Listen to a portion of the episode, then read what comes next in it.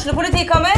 Ine Jansen er purk. Er du purk? The motherfucking bitch. Alt jeg vil, er å finne ut hva som skjedde med mannen min. Jon Carew. Er jeg sikta for noe? Iben Akeli. Det er du. Ole So, Lars Berrum og Big Daddy Karsten. Hvem sin side er du på, egentlig? Anette Hoff, Tone Danielsen, Kommer du fra Afrika? Jørnis Josef, Nesten. Kløfta. Trond Espen Seim, Det er synd å si det, men det var feil mann som døde. Purk. Premiere tirsdag på TV2 Play. Hei, og velkommen til en ny episode av Debrif med Dag. Eh, det er så vidt det ble episode denne uka, fordi det er rett og slett vanskelig å ta pauser i runkinga til coveret til den nye boka til Haja Tajik. For herre min gud, har dere sett noe så sexy? Har dere sett noe så utfordrende? Noe så inn i helvete pirrende som det coveret? Jeg, jeg skjønner ikke helt greia. Det her blir jo virkelig en klassisk, eh, en klassisk greie hvor, hvor eh, selvfølgelig en mann aldri ville vært i nærheten av å bli utsatt for noe tilsvarende.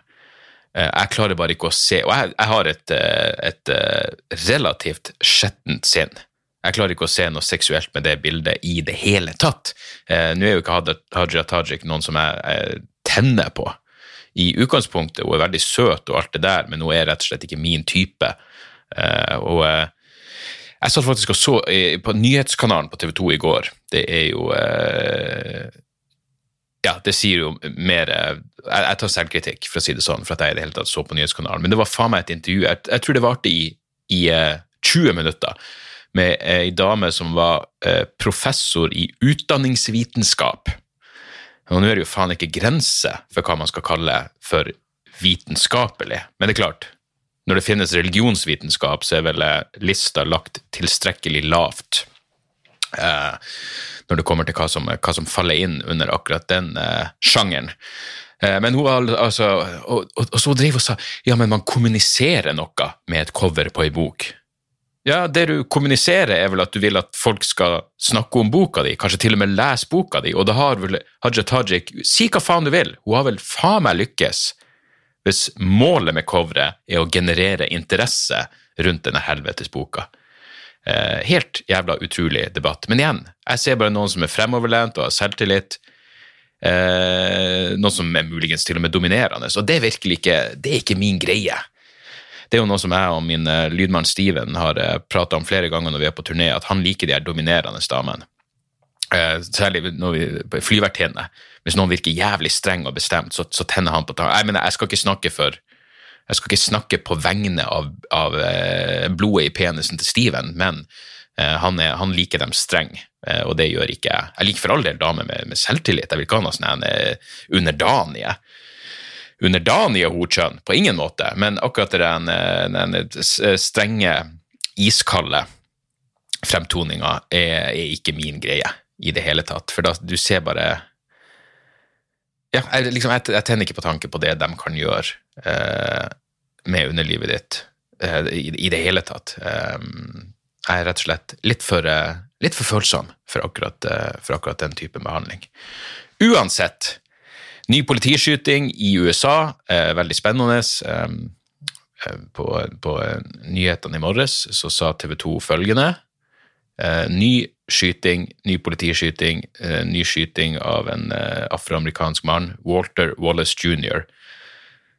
De kunne jo ha nevnt Altså, man skulle tro at det var en del av jobben din når du skal ha en, en reportasje som det her. Du kunne kanskje nevnt at personen hadde en kniv i handa og var på vei mot politiet og nekta å adlyde eh, innstendige ordrer om å legge fra seg den kniven. På den andre sida, hvis du går og ser den videoen av selve skytinga, så er det uforståelig at For det første, at de skyter han. Det ser ikke ut som han er Altså, han går mot dem, eh, men hvorfor i helvete de føler for å Jeg tror de skyter han Han, blir skutt syv eller åtte ganger, var det jeg telte. Og hvorfor de ikke bare, om så skyter han i foten, eh, kommer med et eh, et, et advarselskudd i lufta bare for å se om de kan få han ut. For det her var jo en psykisk syk person. Så, eh, så jeg, jeg, jeg vil tro, altså hva vet jeg, men jeg vil tro at skytinga er legitim eh, altså at den er innenfor lovverket. Jeg tror ikke politiet gjorde noe ulovlig der, fordi han var bevæpna, og han nekta å, å adlyde ordre. Han, han hørte ikke på instruksene.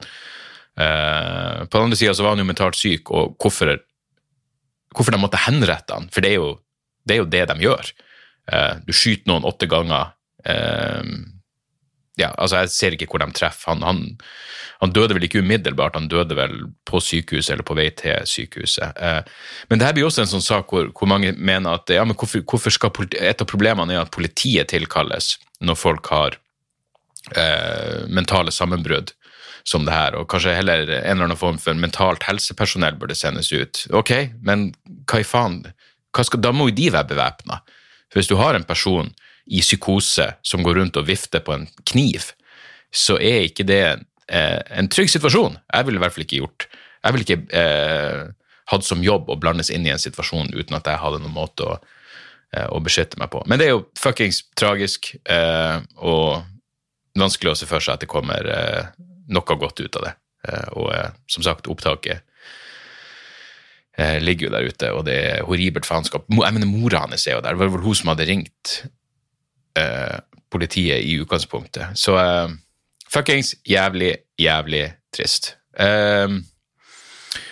På en positiv note så er jo det her I går var det vel 58 år siden siden godeste godeste Arkipov Vasilij Aleksandrovitsj Arkipov berga menneskeheten. det var vel 27. oktober det var ikke 27. oktober i går. La meg se her. 28. oktober i dag.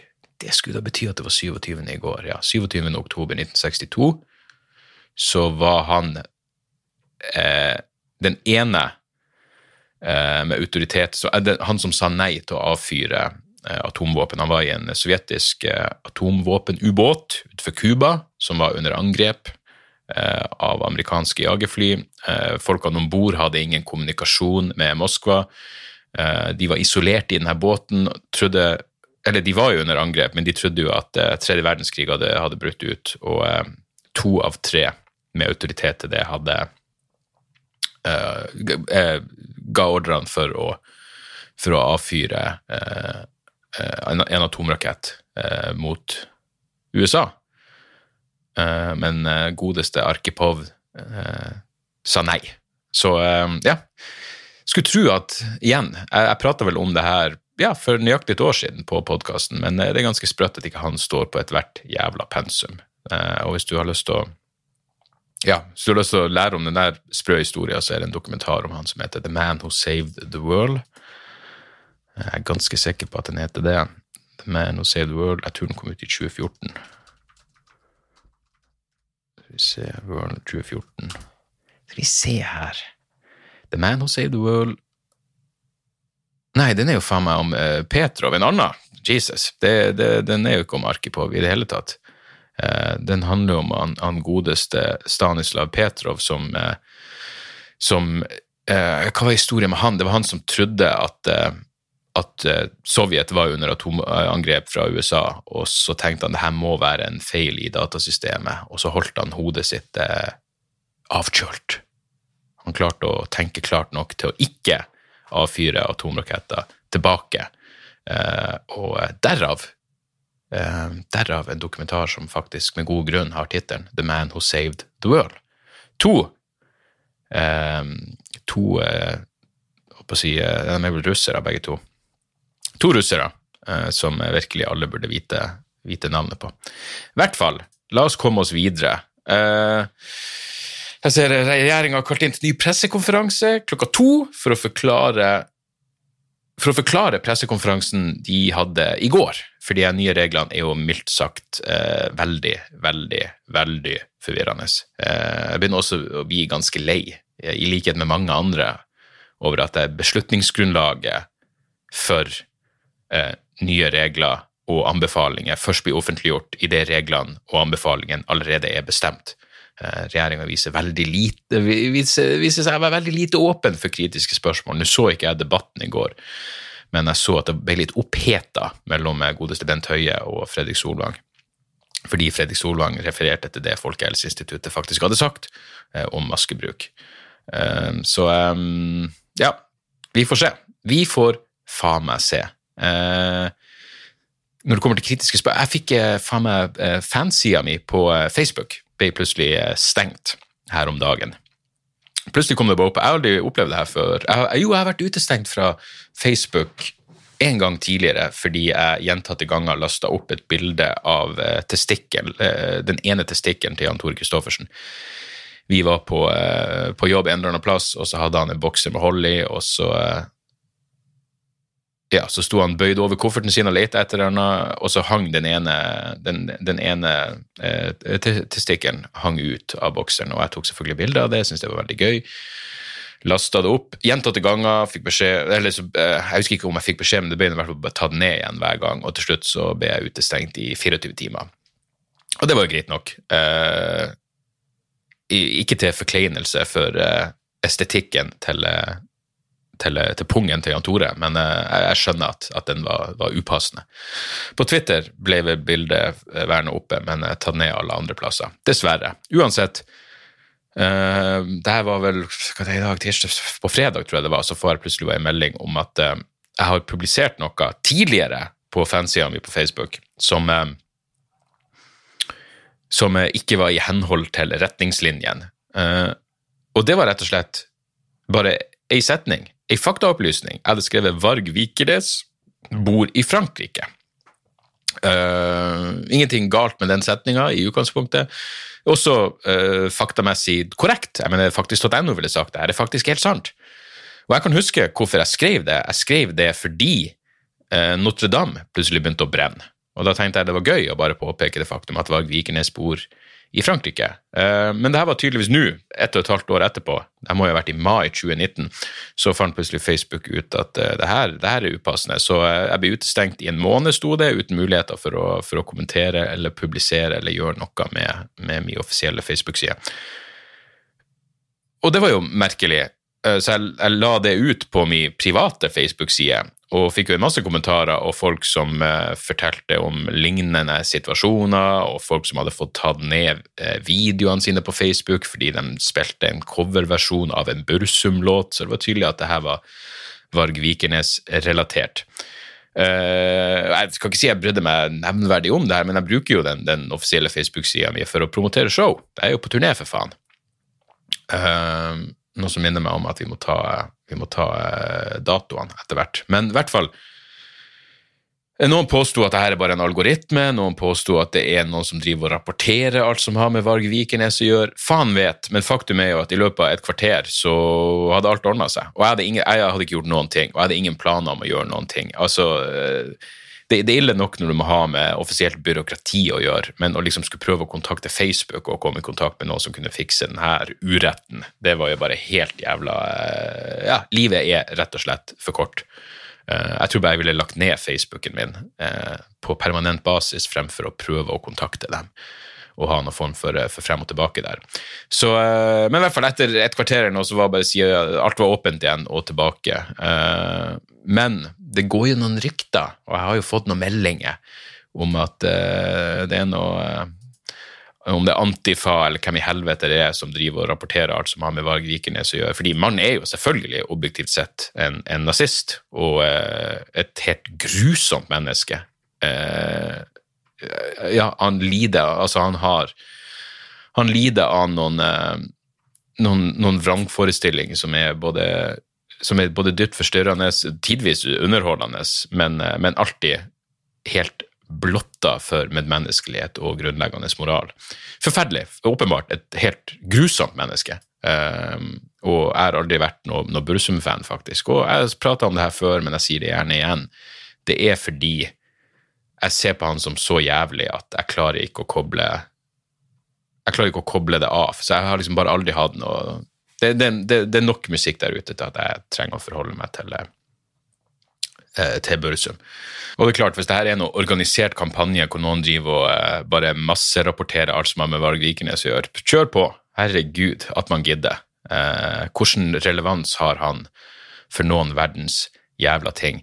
Jeg tenkte jo med det samme at, at, eh, at det her var noe sensur i forbindelse med valget i USA. Uh, så slo det hva i faen har Varg Vikernes med presidentvalg å gjøre? På den andre sida, hvis det var et valg, valg, som virker absurd nok til at plutselig Varg Vikernes ble en, en viktig brikke i spillet, så er det vel faen meg 2020-valget.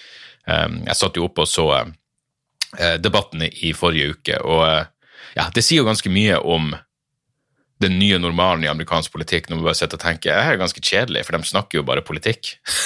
det er jo dritkjedelig. Jeg må innrømme at eneste grunn til at jeg gidder å holde meg våken for å sitte og se på det, var jo ja, i tilfelle det skulle skje et eller annet, i tilfelle det her liksom skulle bli en eh, Det, her, det, det er jo klovner i kamp.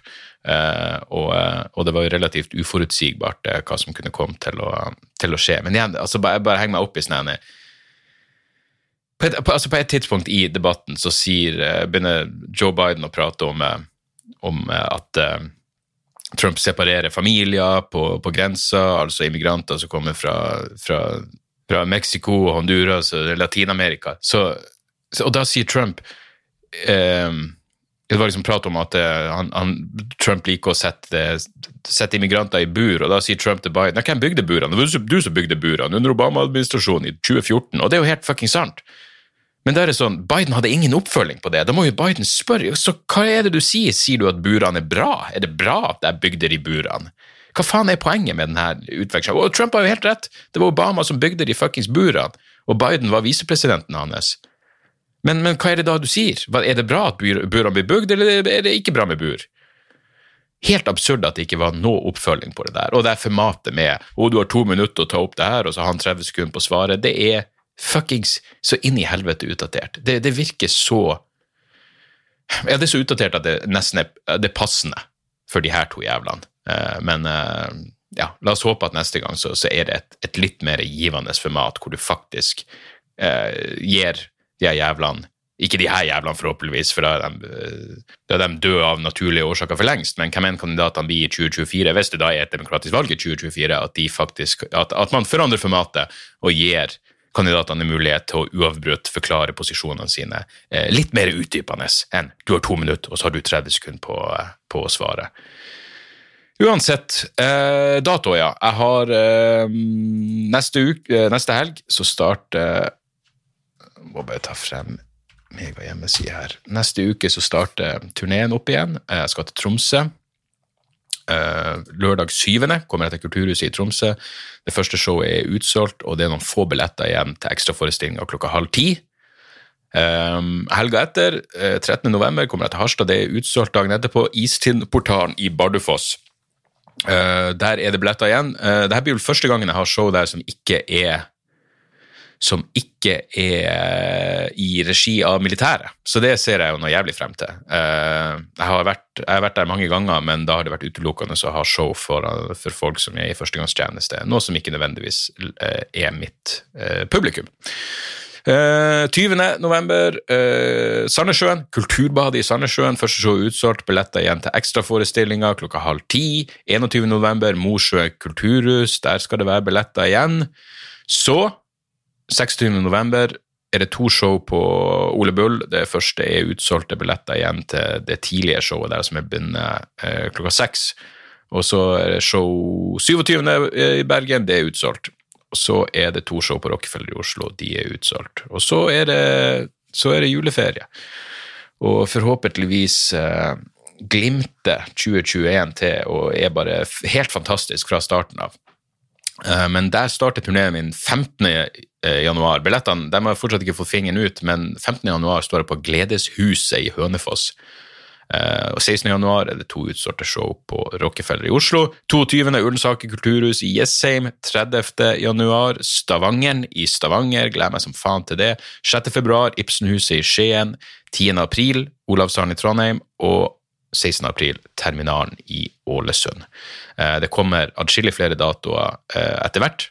Men per nå så er det det som ligger der ute, og jeg hadde satt det meget så mye pris på om eh, dere følte om dere følte for å ta, eh, ta turen. Ellers fikk jeg Det her er faen meg gøy.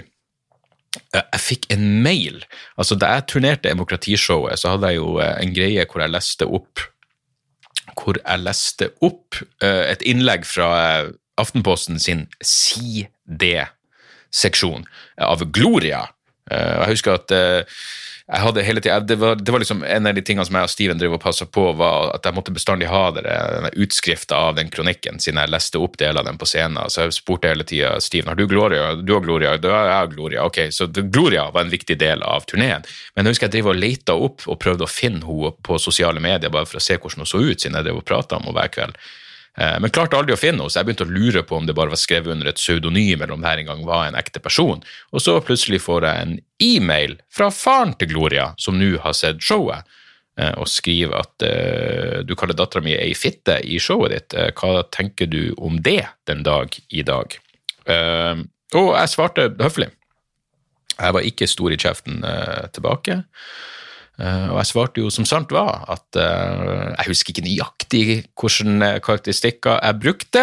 Men hvis du sier jeg kalte henne fitte, så må jeg vel nesten ta ditt ord på det. Men jeg sier jo også at det som provoserte meg mest med Gloria, var at, hvor mye hun minner meg om meg sjøl da jeg var 16 år gammel. Som vel selvfølgelig indirekte betyr at jeg kalte meg sjøl ei fitte også. Så, så, sånn var den. Men det var noe gøy å få vite i hvert fall en gang for alle at Gloria faktisk faktisk eh, eksisterer på ordentlig. Uh, så tenkte jeg vi må Altså, uh, Joe Rogan. Jeg, har sett Altså, det her er ikke basert på å ha hørt mer enn ti minutter av hans samtale med Kanye West, men, men hvis, hvis, hvis, du har noen i livet ditt som sier til deg du må høre Rogan prate med Kanye West, fy faen, det er bra, da, da, det, det mennesket må skjæres ut av livet ditt. Det mennesket må bort. For det mennesket må per definisjon være hjernedødt. Jeg klarte ikke å komme lenger enn å høre Rogan prate Det er vel helt i starten. Jeg lurer på om det første spørsmålet så spør han Kanye West hvorfor han bestemte seg for å stille som presidentkandidat. Et godt spørsmål. Fint å åpne med. Og Kanye West svarer at Gud fortalte han at han burde stille som presidentkandidat mens han sto i dusjen. Ja, er ikke det et godt svar? Gud ba meg gjøre det. Sånn har jo veldig mange gode handlinger begynt, ikke sant? Gud sa jeg skulle gjøre det, så nå er millioner døde. Og så begynner han å prate om at hei, han hadde en milliard dollar, og hvorfor ikke Altså, det er altså Jeg bare tenkte sånn Det, vet du, det her gidder jeg ikke. Skal jeg, skal jeg høre tre timer med det her?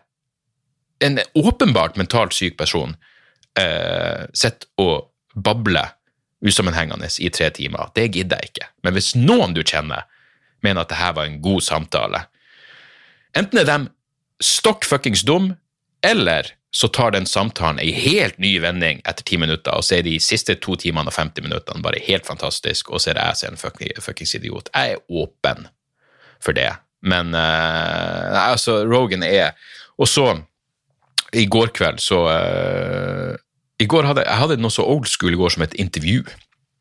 Et godt gammeldags intervju med en journalist.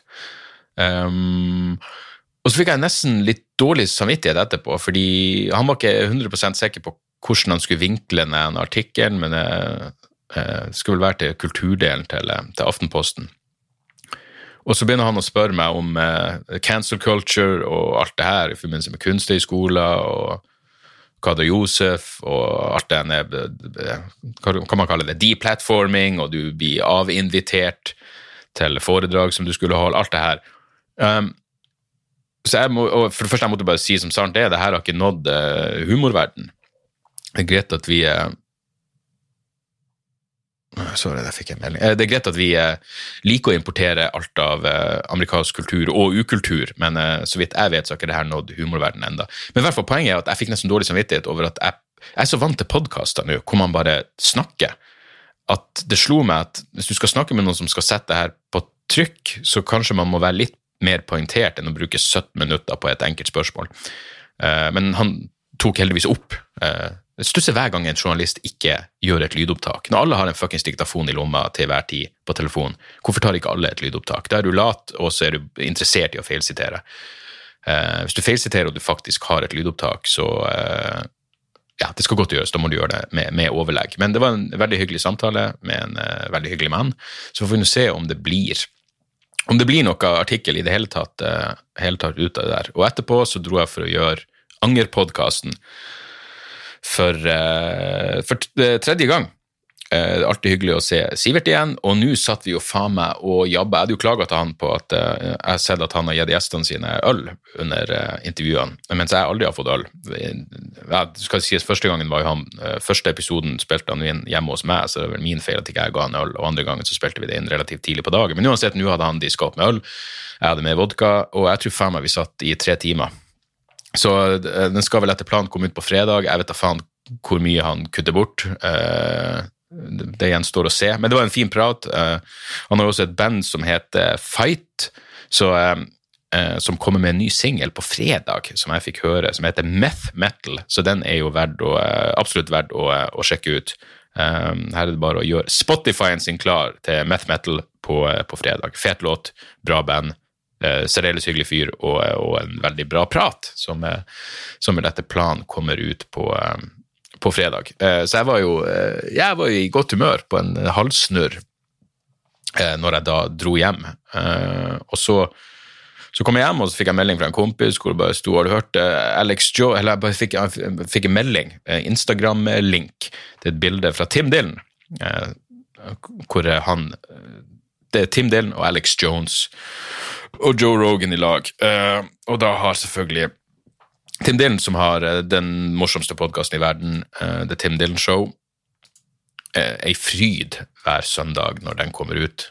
Uh, han er da med, for han er, en, han er, jo på mange måter en konspirasjonsteoretiker, men også en, en oppegående og rasjonell fyr. Men det slo meg da at jeg, jeg, jeg klarer ikke å se denne humoren i Alex Jones. Jeg syns ikke det er noe gøy å høre på det ramblingen hans, fordi det er så mange som tar det seriøst.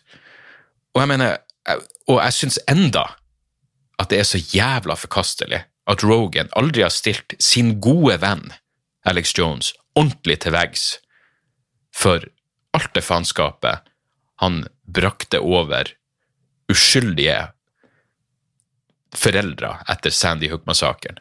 Hvis, hvis, hvis, du vil se hvor jævlig Alex Jones er, ta og se um, den heter The United States of Conspiracy. Det er mulig jeg har nevnt den før. Den ligger på NRK-appen under Jeg tror den heter Conspi America.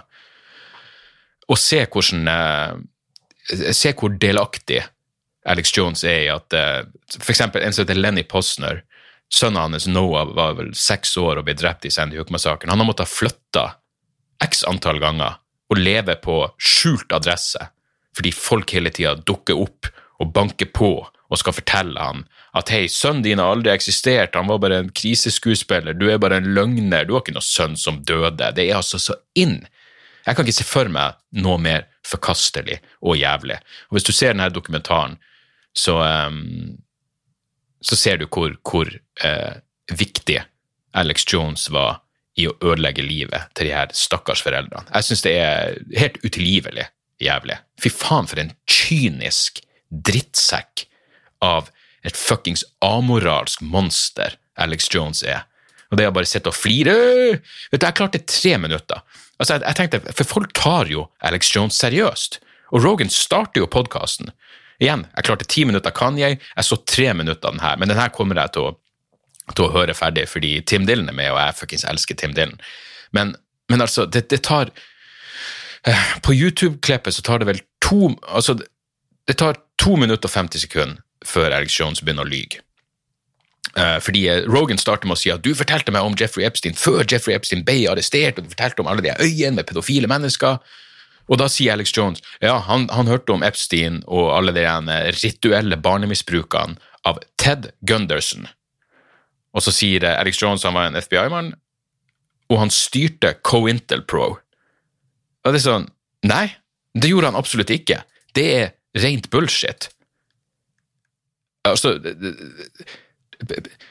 Cointel det programmet ble satt i gang under J. Edgar Hoover, og det var vel en fyr som heter William Sullivan som leda det programmet. Så det var ikke Ted Gunderson. Hvis du googler Ted Gunderson, så vil du finne ut at han er faktisk eh, Han døde i 2011, men han var en av de som drev og spredde denne ideen uh, om det satanic panic på 80- og 90-tallet i USA, hvor han drev og sto frem sammen med offer for rituelle sataniske barnemishandlinger og misbruk og drap og kannibalisme, som bare var rent fuckings oppspinn og, og, og masse hysteri.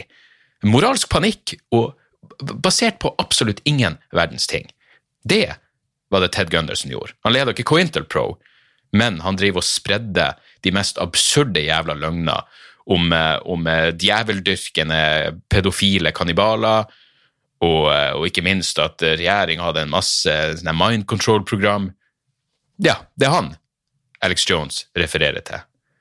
Så, så det er sånn Ja, hvis du hører på Alex Jones, hva faen har den den, den, den videoen er jo sett over tre millioner ganger på tolv timer! Det er helt sinnssykt. Eh, så, så, Alex Jones når ut til folk. Det eneste positive som kan sies om det her, er jo at, at Rogan åpenbart styrer sin egen podkast, selv om den nå er på Spotify. For det har jo vært, det blir jo med en gang blir det jo en masse debatt om oh, men det er en del, Når, når Rogan blir flytta over på Spotify, og er vel eksklusivt der fra 1.12., eller hva det er, um, så, så, var det plutselig en del episoder som ikke var med over, blant annet en episode med Alex Jones. Hva skjer her? Det er jo åpenbar sensur. Det er jo Rogan som lar seg styre av eh, sine overlords i, uh, i, det nye, i, i, det nye, selskapet han er underlagt. Nei, åpenbart ikke. Han har fuckings Alex Jones som gjest på en tre timers lang eh, febertirade. Går jeg bare ut ifra. Så, så igjen, det, det, er greit. altså Hvis du klarer å se på Alex, Alex Jones som ren underholdning, så er det jo selvfølgelig greit. Jeg skjønner jo appellen, jeg skjønner jo at det er jeg som virker humørløs her. Men faktumet er jo at den tåpelige kuksugeren har reelle negative konsekvenser for helt fuckings traumatiserte, uskyldige mennesker der ute. Og det syns jeg ikke er greit, og det syns jeg ikke er tilgivelig. Uh, faen for en kynisk jævel han er. Og uh, du er et håper å si bedre menneske enn meg. Du, du, er et mer relativistisk menneske enn meg hvis du kun klarer å se på Alex Jones som en, oh, en underholdningsfigur. Uh, jeg klarer virkelig ikke det. Og dere burde forresten uh, ta og lese litt om uh, Cointel Pro. Det, det skrives C-O-I-N-T-E-L. PRO, uh, Counterintelligence Program. Fordi, hvis du ser den svært gode filmen med Sasha Baron Cohen. Uh, hva faen den heter The Trial of the Chicago Seven, uh, tror jeg det er, på Netflix. Sann historie om, om noen som ble tiltalt under den nye Nixon-administrasjonen for å ha starta opprør i Chicago under, før den demokratiske hva det heter, Democratic Convention. Um, i hvert fall, Poenget mitt er at i den filmen så er jo Fred Hampton i Black Panthers en figur Uh, som en, en rolle en, en, han, han, noe, han, er ikke noen stor karakter i, i, filmen, men han dukker opp, og så plutselig Og det her er ikke noe spoiler, fordi det er ikke noe spoilere her. Uh, plutselig så blir uh, Fred Hampton er til stede i rettssalen og driver og kommuniserer med han Black Panther-karen som av helt sinnssyke grunner er, er medtiltalt i denne saken. Jeg mener, hele saken var jo absurd i seg sjøl, men um, Plutselig så blir Fred Hampton eh, De bare forteller at han er blitt eh, skutt. Eh, og det ble han jo. Han ble henretta av FBI som en del av Cointel Pro-programmet. Det var også via dette programmet at de prøvde å, å drive Martin Luther King til selvmord med å drive og eksponere han som den, den lille horebukken han faktisk var. Men helt sinnssykt, sinnssykt program. Um, som, eh, som, absolutt er verdt å, lære litt om. Eh, men det ble ikke drevet av Ted Gunderson, så vidt jeg fuckings vet. Til tross for at Alex Jones sier det, så tror jeg, tror jeg ikke Ted Gunderson ran Cointel Pro. Eh, det er jeg ganske sikker på. I hvert fall Ja, og bare for å avslutte debatten og valget og alt det der jeg så en artikkel hvor det bare sto sånn Iran påvirker valg, prøver å påvirke Jo, det var vel i den dokumentaren. Eh, eh, på HBO så ligger det en dokumentar som heter The Perfect Weapon. Som liksom handler om cyberkrigføring. Og den starter interessant nok med, og passende nok, med uh, USA og Israel sitt angrep på den iranske kjernekraftverket, var det vel det Stuxnet. De hadde et, sånn, et virus som de på et eller annet vis klarte, mest sannsynlig via en USB-brikke klarte å infiltrere datasystemet til det iranske kjernekraftverket og, eh, og ødelegge atomprogrammet deres. Det er en ganske fiffig operasjon. Men Iran slo jo tilbake, og innen dokumentaren så sier et, på et tidspunkt at nå i 2020 Iran prøver å påvirke valget i USA i 2020. Og da er det sånn, ja, men ikke like mye som USA påvirka det demokratiske valget i Iran eh, i, eh, i 1953. Eller vil si hvordan de på fire dager bare fjerna det iranske eh, demokratiet eh, og styrta statsministeren Mossadegh. Um, ja, ganske eh, mer inngripende tiltak enn å prøve å lage noe Facebook-gruppe som skaper splittelse innad i USA. Altså, det er jo så det er så jævlig oppskrytt, det der. Hele denne Cambridge Analytica-greia er jo nå eksponert som den hypen det egentlig var. Det var det britiske datatilsynet som har en, en skrevet en ordentlig rapport om hvordan, hvordan, Cambridge Analytica, hvordan innvirkning de hadde på, på, på brexit-avgjørelsen i, i, Storbritannia, og den var jo i beste tilfelle helt jævla marginal. Så uh, uansett, vi er nødt til å uh, dra det her i land. Nå er jo uh, Episodene har blitt jeg, jeg klarte jo å holde meg på en halvtime tidligere. Men nå har det begynt å dra litt ut, merket. Så jeg vet da faen hva dere, om det bryr dere i det hele tatt. Men um, jeg skal liksom prøve å holde det relativt, relativt tight. Og så skal jeg også lage en, en bonusepisode for Patrion i morgen. Takk igjen til alle som støtter meg på Patrion. Patrion.com slash Dag Sorås. Eh, jeg tror jeg blir å gjøre det som en sånn spesialepisode om bombehistorie eh, fra scenen. Eh, de verste, de verste tryningene jeg har hatt på scenen, tror jeg den episoden skal handle om. I hvert fall noen tips. Jeg holder på fortsatt med denne Chaos-boka om Den heter Chaos The Truth Behind the Manson Murders. og det er virkelig, det er lenge siden jeg har blitt så sugd inn i ei bok. Det er lenge siden hvor for vanligvis når, når, fruen og Morty Dog tar kveld, så ender jeg opp med å glo på en serie eller en film, eller liksom jeg ser en episode av The Boys, eller så finner jeg en eller annen dokumentar eller en film. Men med denne Chaos-boka så er jeg blitt flinkere til å rett og slett bare slå av TV-en og sitte og lese et par timer før jeg legger meg. Og uh, den boka er, er, helt fantastisk, og jeg får komme et mer jeg, jeg, håper å si, dyppløyende anbefaling av den boka når jeg er ferdig med den. Men jeg har et par uh, Faen, vi kan ta et par mailer. Og så tar vi et par tips, og så sier vi oss glad og fornøyd. Skal vi se hva vi har fått inn her. Uh, alkohol, eh, skriver Morten. Hoi! Et alkoholspørsmål til podkasten. Hvor mye er det greit å drikke som småbarnsfar, barn seks og åtte år? Ligger ca. på åtte-ni øl, halve dunk tre liters rødvin og et par-tre glass whisky i uka. En øl og et glass rødvin i ukedagen og litt mer øl, vin og whisky i helgene. Det meste fortæres når barna er i seng. Inntaket påvirker, påvirker ikke meg dagen derpå. Hvor mye ligger du på i uka? Uh, uh, vel, altså, hvis du, hvis du drikker etter at ungene dine har kommet seg i seng, og det ikke påvirker deg dagen derpå, så er det vel ingen problem.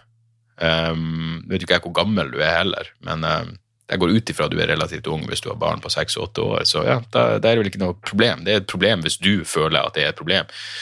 Uh, de gangene jeg har bestemt meg for å ta perioder hvor jeg roer ned drikkinga, er hvis jeg tenker faen, jeg tror jeg har drukket litt for mye. Uh, men igjen, det er jo bare i mitt hode, og i hvert fall hvis drikkinga mi gikk utover andre på noe vis.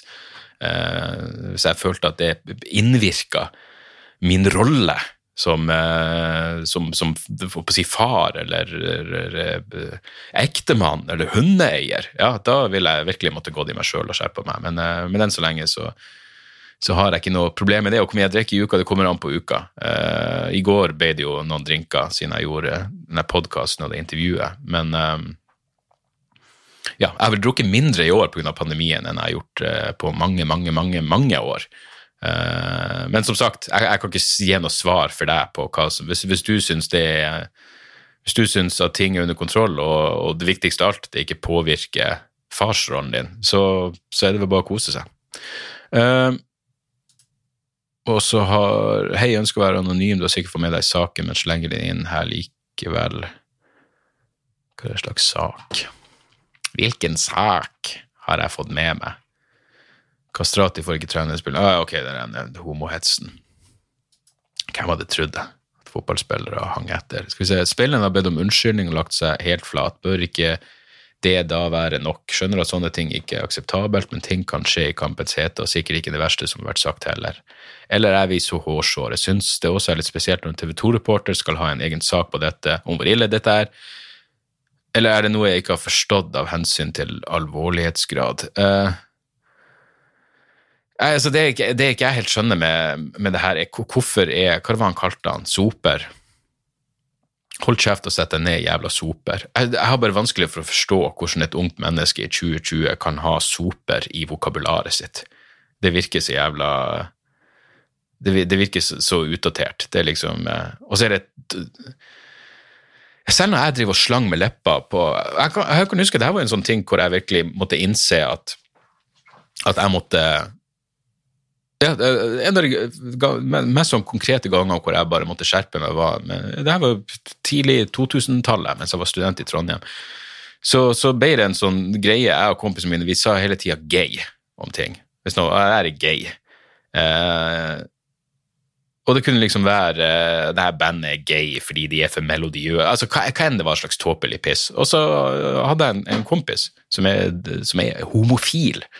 Eh, og så hørte Han sa ikke noe direkte til meg, men jeg hørte indirekte via ei venninne at han syntes det var kjipt at vi driver og sa gay hele tida. Og da fikk jeg sånn Fuck, det, det har jeg ikke engang tenkt på.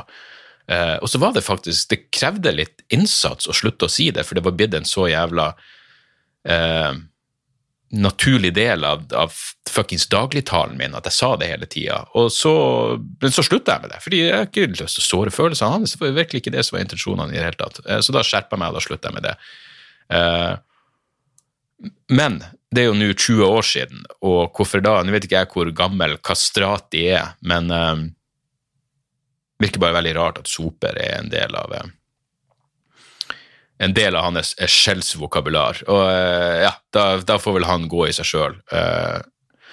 og bra han har lagt seg flat og beklaga ordbruken. Det dummeste jeg ser i, det her, var noen som, som delte denne VG-artikkelen hvor det står eh, ja, Det var en dommer som sto eh, Hagen, var ikke det han het? En dommer som sto frem som eh, homofil. Vent, jeg må, jeg må finne nøyaktig hva det var. Gråbein delte det her. Um, skal vi se. Ja, det her, er VG på sitt beste. Topp, eh, overskrifta. Toppdommer Tom Harald Hagen står frem som homofil. Det er overskrifta. Og rett under står det Hagen har lenge vært komfortabel med egen legning, og sier han ikke ønsker at det skal vinkles som at han står frem som homofil. det er altså så VG som du fuckings får det. Altså, det her minner meg om den gangen jeg gjorde det. Det her vet jeg jeg nevnt før, men jeg gjorde et intervju med VG når, eh, når Mandagsklubben skulle ha eh, premiere. Og så, så drev han her, eh, journalisten og hele tida spurte om ja, så har du angst, du har slitt med angstproblemer. Og så sa jeg ja, jeg, jeg slet med angst, jeg var veldig åpen om det, men nå er jeg ferdig med det, jeg har ikke angst lenger, så det er tilbakelagt stadie. Og så drev han og fortsatte å spørre ja, men du, den er angsten din, og så sa jeg bare sånn du, kan, kan vi ikke slutte å prate om den jævla angsten? Jeg er ikke interessert i å prate om det, det er ikke et problem lenger. Og så sier jeg, når du driver og pusher på det her, så gjør det bare at jeg, du, du får meg til å angre på at jeg noen gang sto frem med den jævla angsten min. Så han var sånn, ja ok, men da trenger vi ikke å prate mer om angsten. Hva var vinklinga på intervjuet? Angre på angsten. Angre på at han sto frem med angsten. Fy faen, altså, for noen grusomme jævla. Og det er ikke nødvendigvis, og jeg kontakta han journalisten, og det var ikke hans feil. Det var hvem enn som sitter på desken og bestemmer vinklinga og overskriften, for det gjør faen ikke, det gjør ikke journalisten sjøl. Så, så fuck VG og alle mennesker som opererer. Alle på desken som, eh, som vinkler ting på en så eh, grusom eh, grusom jævla måte. Eh, og så var det en eh, kar som skrev til meg på Patreon ganske enkelt at med hensyn til det å sitte og pisse Om man sitter og tisser, og så skriver han tisse Om man sitter og tisser, så tømmer man blæra mer, sånn at man har mindre resturin i blæra. Det gjør at du pisser deg mindre ut som gammel. Hilsen sykepleier. Det er jo kjekt å vite. Men da får jeg heller bare pisse meg ut som gammel og satse på at eh, det er bleieskiftarbeideren sitt problem, eh, og ikke mitt, eh, ikke mitt problem. Det var det vi rakk denne uka. Et par tips helt på slutten. Jeg så kunst, 'Kunstneren og tyven'. Herregud, for en vakker dokumentar.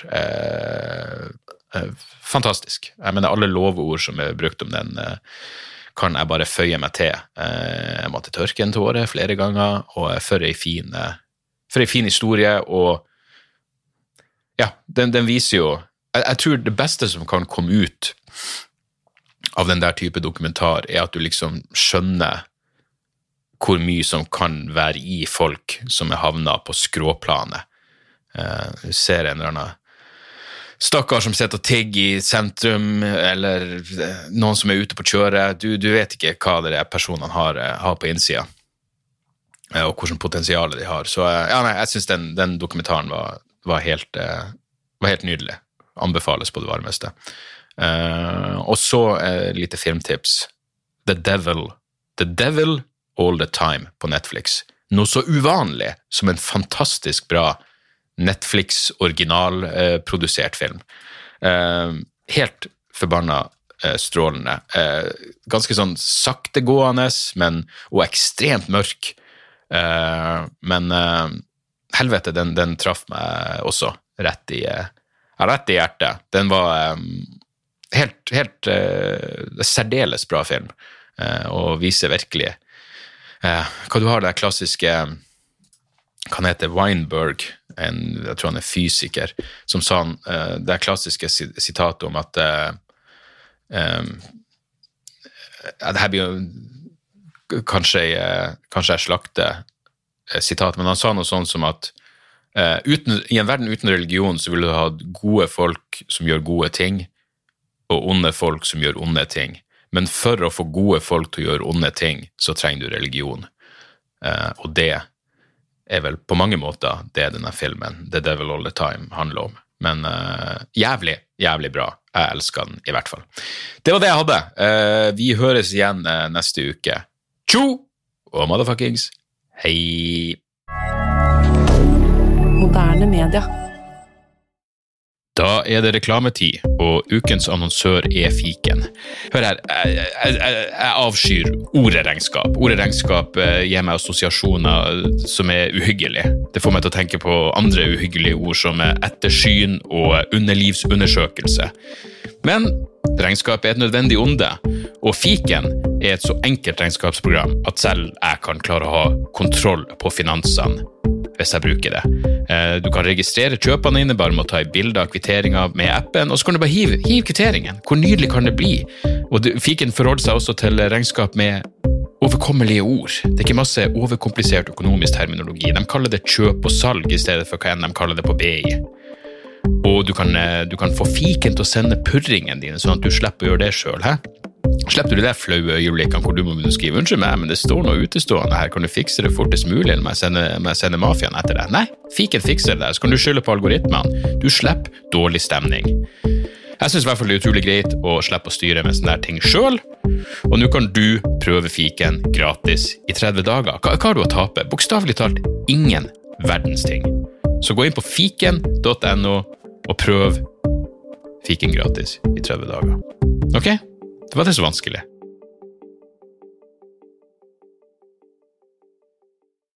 Har du et enkeltpersonforetak eller en liten bedrift? Da er du sikkert lei av å høre meg snakke om hvor enkelt det er med kvitteringer og bilag i fiken, så vi eh, gir oss her, vi. Fordi vi liker enkelt. Fiken superenkelt regnskap.